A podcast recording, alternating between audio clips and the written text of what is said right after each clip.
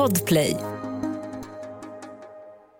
Du presenteras nu för obekräftad information. Var därför kritisk till materialet som bygger på fiktion, åsikter och vinklad fakta. Podcasten kan inte ses som en trovärdig källa. And that was the spark, really, that lit the Russian Revolution. This is the dictatorship of the proletariat. I can't imagine how indescribably horrible that was, that scene.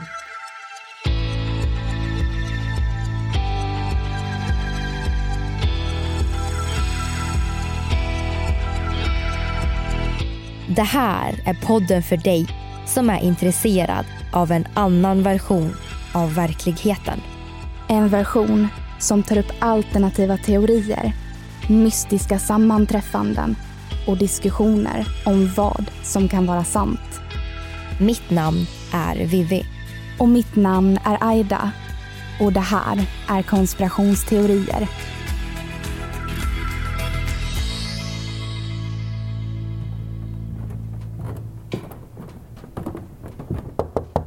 Anastasia inser direkt att något är fel när dörren till sovsalen öppnas.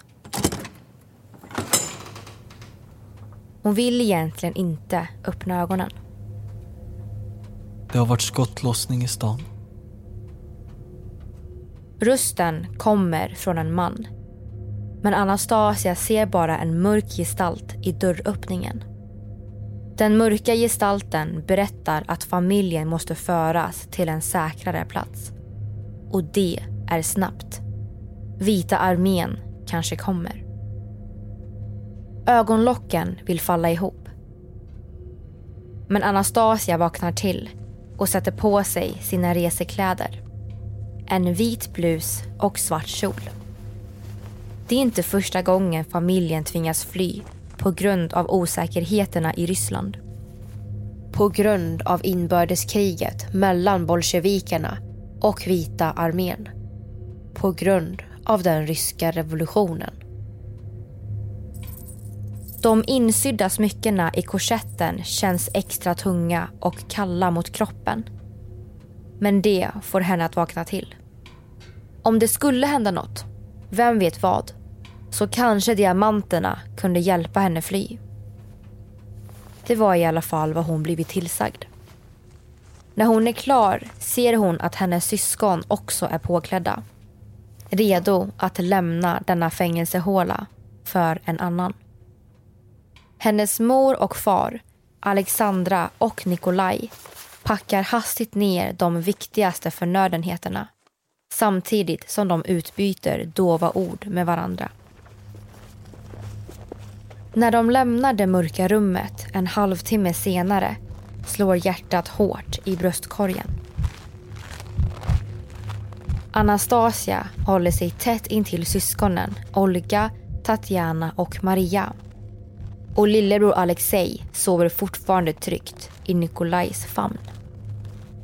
Familjen eskorteras tillsammans med deras läkare, hovdam och två betjänter genom husets innergård mot ett källarrum på husets baksida. De ska ta ett sista familjefotografi och sen bege sig till Moskva.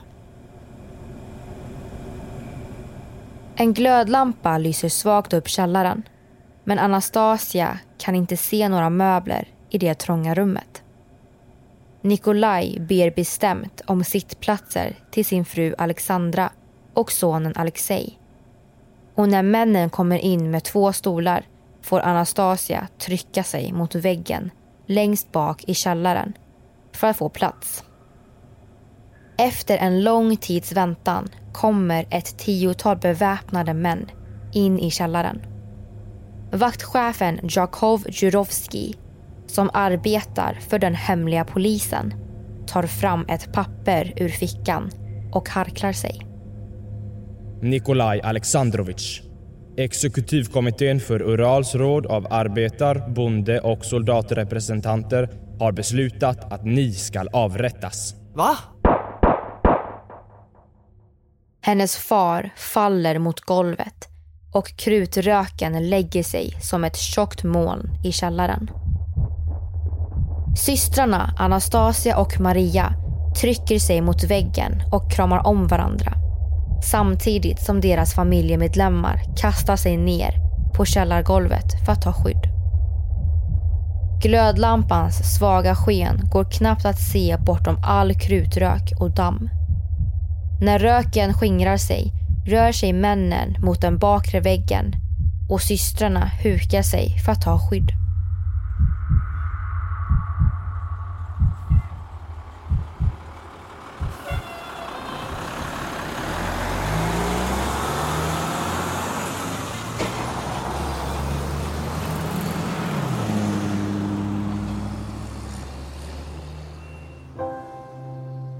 Mitt under den ryska revolutionen, natten mellan den 16 och 17 juli 1918 avrättades den ryska tsarfamiljen efter 13 månader i fångenskap. Därefter väntade en lång tid av sorg och ovetskap. Idag är det över hundra år sedan.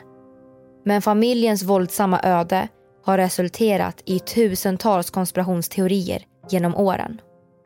Mordgåtan fick befolkningen att längta tillbaka till monarkin och alla undrade vad som verkligen hänt. Nästan direkt efter mordet uppstod rykten att någon överlevt och lyckats fly undan bolsjevikerna som snabbt spreds runt i hela Europa. Det skvallrades om insydda tsarjuveler i barnens kläder som kanske hade kunnat stoppa kulorna. Och många tyckte sig se tronarvingen Alexei och storhertiginnan Anastasia både i Ryssland och i Europa. Hade de lyckats fly? Levde de gömda någonstans i Europa? Det ska vi prata om idag när vi ska diskutera en konspirationsteori om mordet på den ryska tsarfamiljen.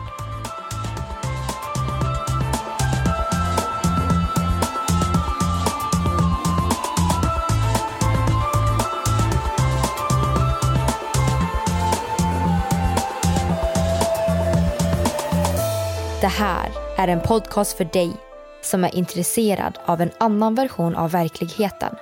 En version som tar upp alternativa teorier, mystiska sammanträffanden och diskussioner om vad som kan vara sant.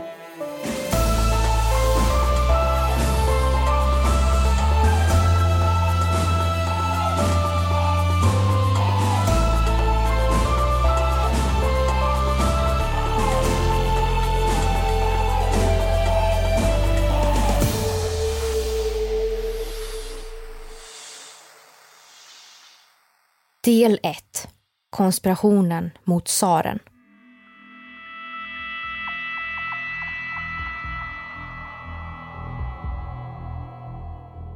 Mordet på den ryska tsarfamiljen 1918 har sina rötter ungefär 24 år tidigare. Historien som vi ska berätta för er har sin början när Nikolaj Alexandrovich Romanov tillträdde tronen som Rysslands nya tsar. Hans far Alexander den tredje hade gått bort och ansvaret föll på en ung och förvirrad 26-åring. When Alexander died, Nicholas burst into tears and says, I, I don't want to be king at, at Tsar. I can't. I don't even know how to talk to the ministers. Nikki asked me, Sandro, what am I going to do? What is going to happen to me, to you, to Alex, to mother, to Russia? I'm not ready to be Tsar. I never wanted to become one. Den unge Nikolaj var både oerfaren och oförberedd. Hans far hade inte förberett honom inför rollen som Rysslands kejsare och ledare. Men vid Nikolajs sida fanns kärleken, Alexandra av Hessen, en tyskfödd prinsessa. Och i maj 1896 kröntes det unga kejsarparet som tsar och tsarinna över Ryssland. Festligheterna i Moskva varade i flera dagar. Men glädjen försvann snabbt när det uppstod panik och tumult bland folkmassorna. Människor knuffades, ramlade och omkring 1300 människor förlorade livet. En skugga föll över tsaren. Olyckan var inte det enda som skulle drabba Nikolaj den andra av Ryssland under hans regeringstid. It is sad that my work takes so many hours which I would prefer to spend exclusively with Alex. I am so indescribably happy with her. Never did I believe there could be such utter happiness in this world. Such a feeling of unity between two mortal beings. What we have to remember is that these were private letters that were never meant to be read by anybody but Nicholas and Alexandra. So the language, it's lovey dovey and it's you're my sunshine, my life, my, you know, but it's what it actually indicates very strongly indeed is that throughout the marriage, right from the time they met to the day that they died, they didn't stop loving one another. Nikolaj och Alexandras passionerade kärlek finns att ta del av i många brev och dagböcker. Tillsammans fick paret fyra döttrar. Olga, Tatiana, Maria och Anastasia.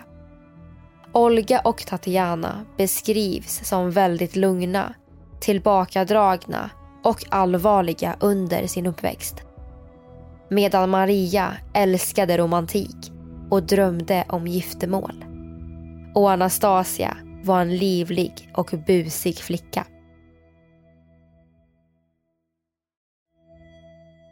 Även om flickorna var älskade av folket blev tsarinnan Alexandra allt mindre populär. Hon verkade ogilla den ryska kulturen och hade vid tiden ännu inte fött en tronarvinge. Men år 1904 föddes sonen Alexei. Samma år misslyckades tsaren att avstyra kriget mot Japan. Folkets missnöje med förtryck och orättvisa ökade i takt med landets motgångar i kriget. Tsaren trodde på fred, men Rysslands förlust i kriget tog hårt på folket och till slut blev läget ohållbart. I januari 1905 vandrade omkring 200 000 fredliga demonstranter på Sankt Petersburgs frusna gator mot Vinterpalatset. Med sig hade de en lista på krav till tsaren då det var dags för en förändring. Nicholas was not in St. Petersburg that Sunday. Instead, as he so often did, he was spending the weekend with his family at the Alexander Palace. Amidst the peace and tranquility of his private retreat, he was virtually oblivious to the seriousness of events unfolding in his capital just 15 miles away. Händelsen är idag känd som blodiga söndagen då över tusen demonstranter överfölls och dödades av kejserliga ryska armén. Den första ryska revolutionen bröt ut med strejker, protester och oroligheter runt om hela riket. Nikolaj lättade på makten och lovade demokratiska och ekonomiska reformer. Den blodiga söndagen drev samman familjen Romanov på ett helt nytt sätt. Alexandra var konstant orolig att Nikolaj skulle mördas eller att deras son skulle kidnappas. Så familjen höll sig undan och spenderade tid med varandra. Säkerheten ökades och barnen syntes bara till när de lekte utanför palatset.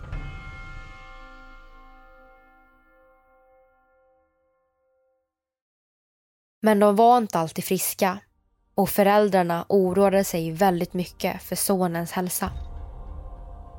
Det upptäcktes tidigt att tronarvingen Alexei led av blödarsjuka. En ärftlig sjukdom som innebär att blodet inte koagulerar. Det här var något dåtidens läkare inte kunde behandla. Och minsta skada kunde innebära livsfara. För Alexei innebar det att han ofta behövde ligga till sängs eller bäras omkring för att minska risken för en dödlig blödning. Familjen valde att hålla hans sjukdom hemlig. Främst eftersom det skapade en osäkerhet om den ryska monarkins framtid. Alexandra spenderade mycket av sin tid helt isolerat med familjen.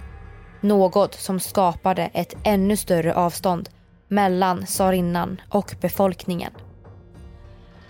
Föräldrarna slutade aldrig tro att de skulle finna ett botemedel och kom i kontakt med en munk från Sibirien vid namn Grigori Rasputin som sades kunna se in i framtiden och hela sjuka.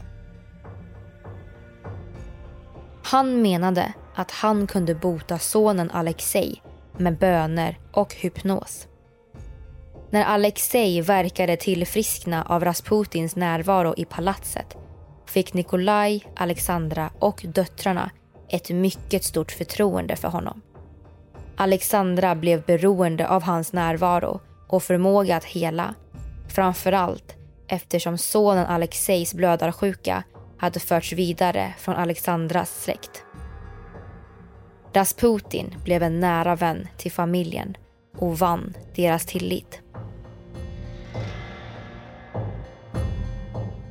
1909 åkte familjen Romanov till Storbritannien för att hälsa på släktingar. Det finns både fotografier och filmer på familjen och under resan fick barnen uppleva en känsla av frihet de aldrig varit med om tidigare. När familjen återvände till Ryssland återgick de till livet utanför rampljuset. Det finns däremot bara få röstinspelningar. Men under Nikolajs födelsedagsfirande 1910 kan vi höra tsaren tacka sina trupper.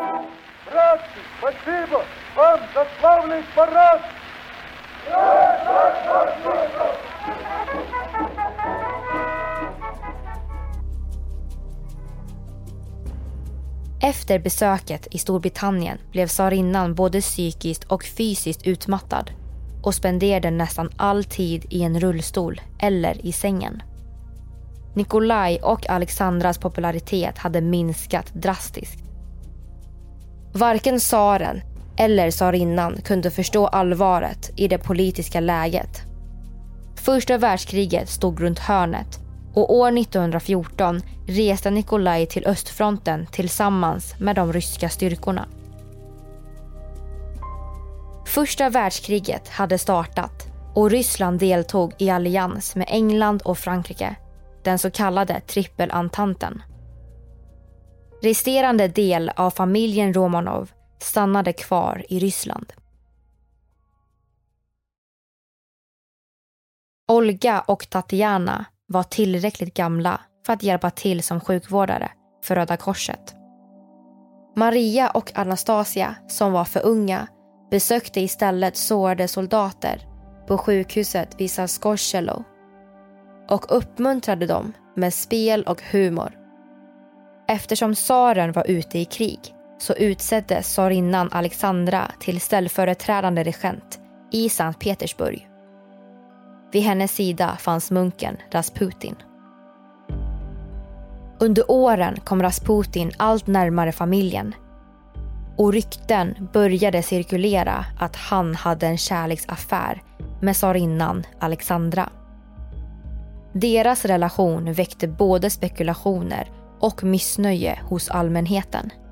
Men för tsaren var Rasputin fortfarande den enda som kunde hålla deras son vid liv.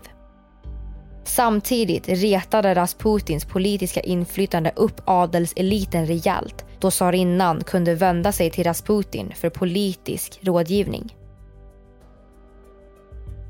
Här hör vi författaren Douglas Smith om den kontroversiella relationen och konspirationsteorierna i en dokumentär från BBC. There's a great conviction that Rasputin and Alexandra, remember she is a German after all, are actually spying and working with the Germans to conclude a separate peace and sell out the Allies. And this is a very, very widely held belief. This is not some lunatic fringe.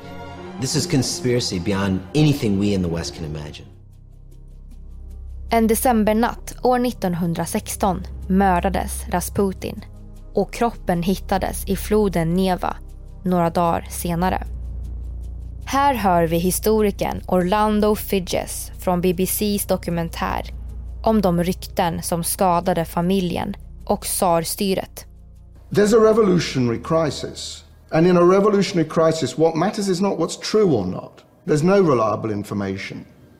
Newspapers are censored. People don't know what to believe. What matters in a revolutionary situation is what people believe. And these rumours were believed, not just by ordinary people in the streets, not just by peasants, but they were believed by statesmen. They were believed by foreign ambassadors. Buchanan, the British ambassador, Paleologue, the French ambassador, are repeating these rumours as if they were true to their governments. So these rumours take on a real political power and become very damaging to the monarchy. Den ryska befolkningen var trötta på misär, nederlag och det dåliga ledarskap de alla levde under. Invånarna svalt och riket befann sig i en ekonomisk kris. I början av 1917 blev läget ohållbart. Den 23 februari, enligt den julianska kalendern, eller den 8 mars om vi utgår från den gregorianska kalendern, gick omkring 90 000 kvinnliga arbetare ut i strejk. Anledningen till att det finns två olika datum är för att Ryssland vid den här tiden utgick från den julianska kalendern. Och det var först efter den ryska revolutionen som de bytte till den gregorianska som vi använder i Sverige. Februarirevolutionen var ett faktum och kravet var bröd, fred och jord. Resten av arbetarklassen hakade på och Sankt Petersburgs gator fylldes av protesterande invånare som ville ha bättre levnadsvillkor och större politiska friheter. Romanovs herrarvälde ställdes nu på sin spets. Finally, in March 1917, a demonstration in St. Petersburg starts over a simple demand for a higher bread ration, gets out of hand, includes a new demand transfer of power from the Tsar to an elected parliament. The Tsar reacts in customary fashion, turns his troops loose on the demonstrators, but something goes wrong. The army joins the people. With incredible swiftness, the Tsar's regime falls. A.N. Kerensky, a young lawyer, is made Minister of Justice in a provisional government in which many parties are represented.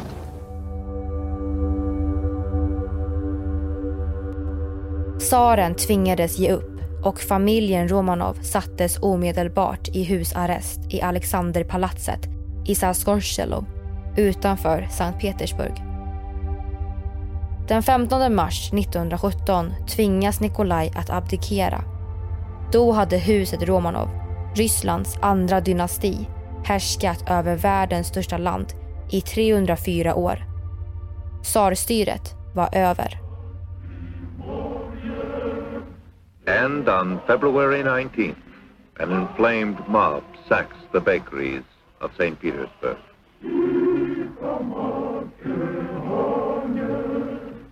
In the night of March 15th, 16th, 1917, the most powerful monarchy of Europe has just collapsed.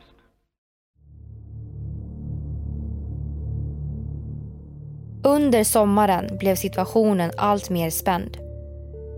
Efter tsarens abdikation hade en tillfällig regering tillsatts. Det dröjde däremot inte lång tid innan regeringen tappade folkets stöd. De misslyckades med att möta kraven på bröd, fred och jord. Det blev en slags dragkamp om makten. Oktoberrevolutionen hade startat och den 25 oktober enligt den julianska kalendern och 7 november 1917 enligt den gregorianska kalendern tog det kommunistiska bolsjevikpartiet makten genom en statskupp. Ryssland kollapsade i ett fullskaligt inbördeskrig mellan vita armén som ville bevara Tsarryssland och de röda bolsjevikerna. I spetsen fanns Vladimir Lenin och revolutionärerna Lev Trotsky och Jakov Sverdlov. Här hör vi Steve Smith från University of Essex om bolsjevikledaren Vladimir Lenin som levt i exil sedan 1905.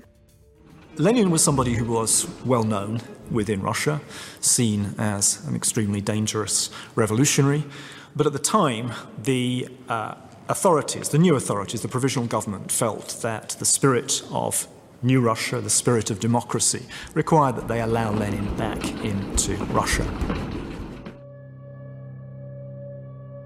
Familjen Romanov häktades och evakuerades först till den relativt lilla stan Tabolsk i Sibirien. Platsen valdes ut eftersom det var svårt att fly därifrån. Till en början levde familjen under relativt rimliga förhållanden. Långt borta från revolutionens osäkerheter.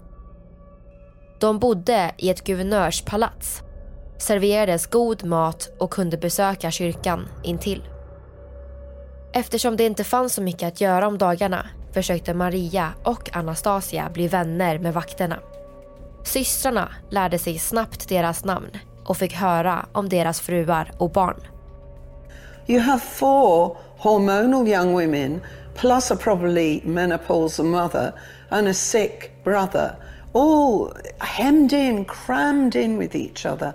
It's clear that those girls, in their frustration and their boredom, saw the officers surrounding them as the only kind of point of contact, the only form of entertainment or human associations. Maria och Anastasia njöt av vakternas sällskap och det verkade som att de uppskattade det lika mycket. I deras ögon var systrarna vänliga, roliga och full av livsglädje och Marias skönhet gjorde att hon fick mycket uppskattning. Det sägs att en vakt blev förälskad i henne och ville hjälpa Maria och familjen Romanov att fly. Om historien stämmer eller inte är svårt att säga men systrarna hade många beundrare.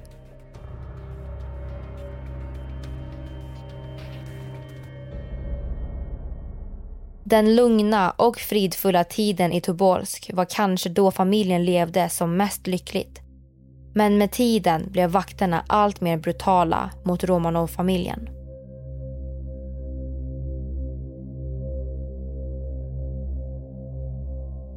När bolsjevikerna fick veta att Vita armén närmade sig stan Tabolsk i april 1918 flyttades familjen Romanov snabbt till stan Jekaterinburg intill de ryska Uralbergen.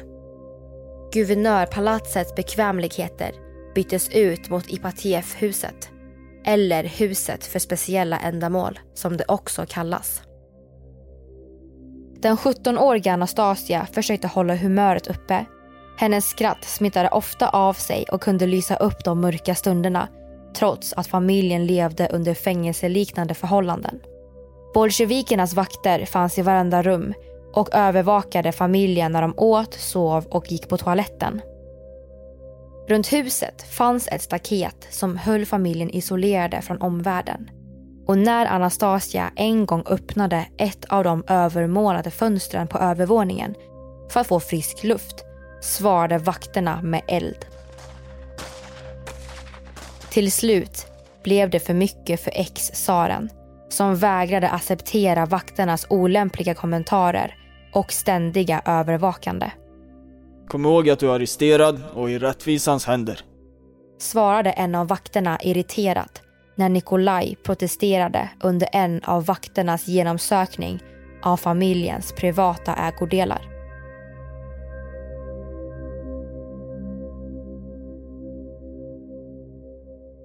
Bolsjevikernas plan var att ställa tsaren inför rätta för hans brott mot det ryska folket. Men planen ändrades drastiskt under sommaren 1918. Vita armén närmade sig Uralområdet och bolsjevikerna ville inte riskera att tsaren eller tronarvingen fritogs av de vita styrkorna. Beslutet blev istället att avrätta tsaren utan rättegång. Och för säkerhets skull dömdes resten av familjen till samma öde. Jakov Jurovski, som arbetade för bolsjevikernas hemliga polis, satte igång förberedelserna. Eftermiddagen den 16 juli skickades ett kodat telegram från Jekaterinburg till Moskva Jarovski och hans män inväntade bara ett sista godkännande från Vladimir Lenin och Jakov Sverdlov innan avrättningen av tsaren och hans arvingar kunde sättas i verk. Det finns inget dokumenterat svar från Moskva. Men enligt vittnesmål godkändes massmordet av de högsta nivåerna av Sovjetledningen under samma eftermiddag och telegrammet försvann. Klockan åtta hade de satt sitt beslut. Och strax efter midnatt samma kväll sattes planen i verk. Stämningen i luften var spänd när familjen samlades i källarrummet på husets baksida. Utanför hörs ljudet från en lastbil på tomgång. Efter en tids väntan gjorde vakterna entré i det trånga rummet och Uralkommitténs beslut lästes upp. Det tar 20 minuter för bolsjevikerna att mörda den ryska tsarfamiljen. Och flickornas skrik ekade ut över gatan.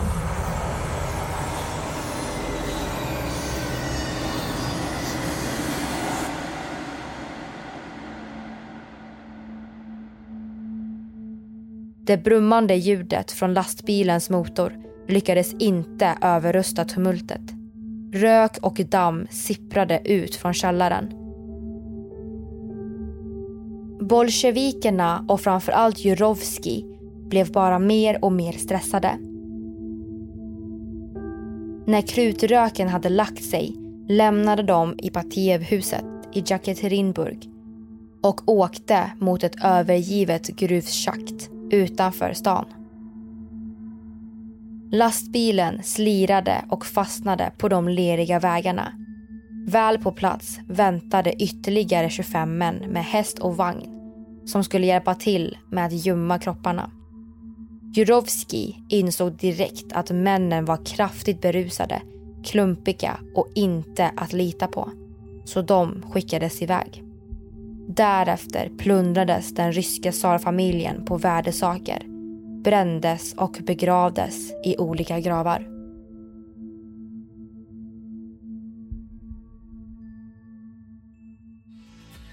Du har lyssnat på Mysteriet Romanov del 1.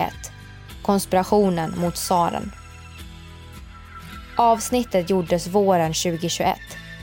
Missa inte del 2 nästa vecka. Vi som har gjort programmet heter Vivian Lee och Aida Engvall tillsammans med redigerare Jenny Olli. Källorna till dagens program hittar du via vår Facebook eller Instagram där vi heter konspirationsteorier. Via våra sociala medier kan du även skicka in tips och önskemål på teorier som du vill höra i podden. Vill du höra fler avsnitt av konspirationsteorier? Besök din poddapp och lyssna på avsnitt som Britney Spears förmyndarskap This is a story about how Britney Spears fans started a movement to fight for her freedom. Estonienkatastrofen. Stort passagerarfartyg ropar mayday så då vet man att nu, nu är det någonting som händer. Och mycket mer.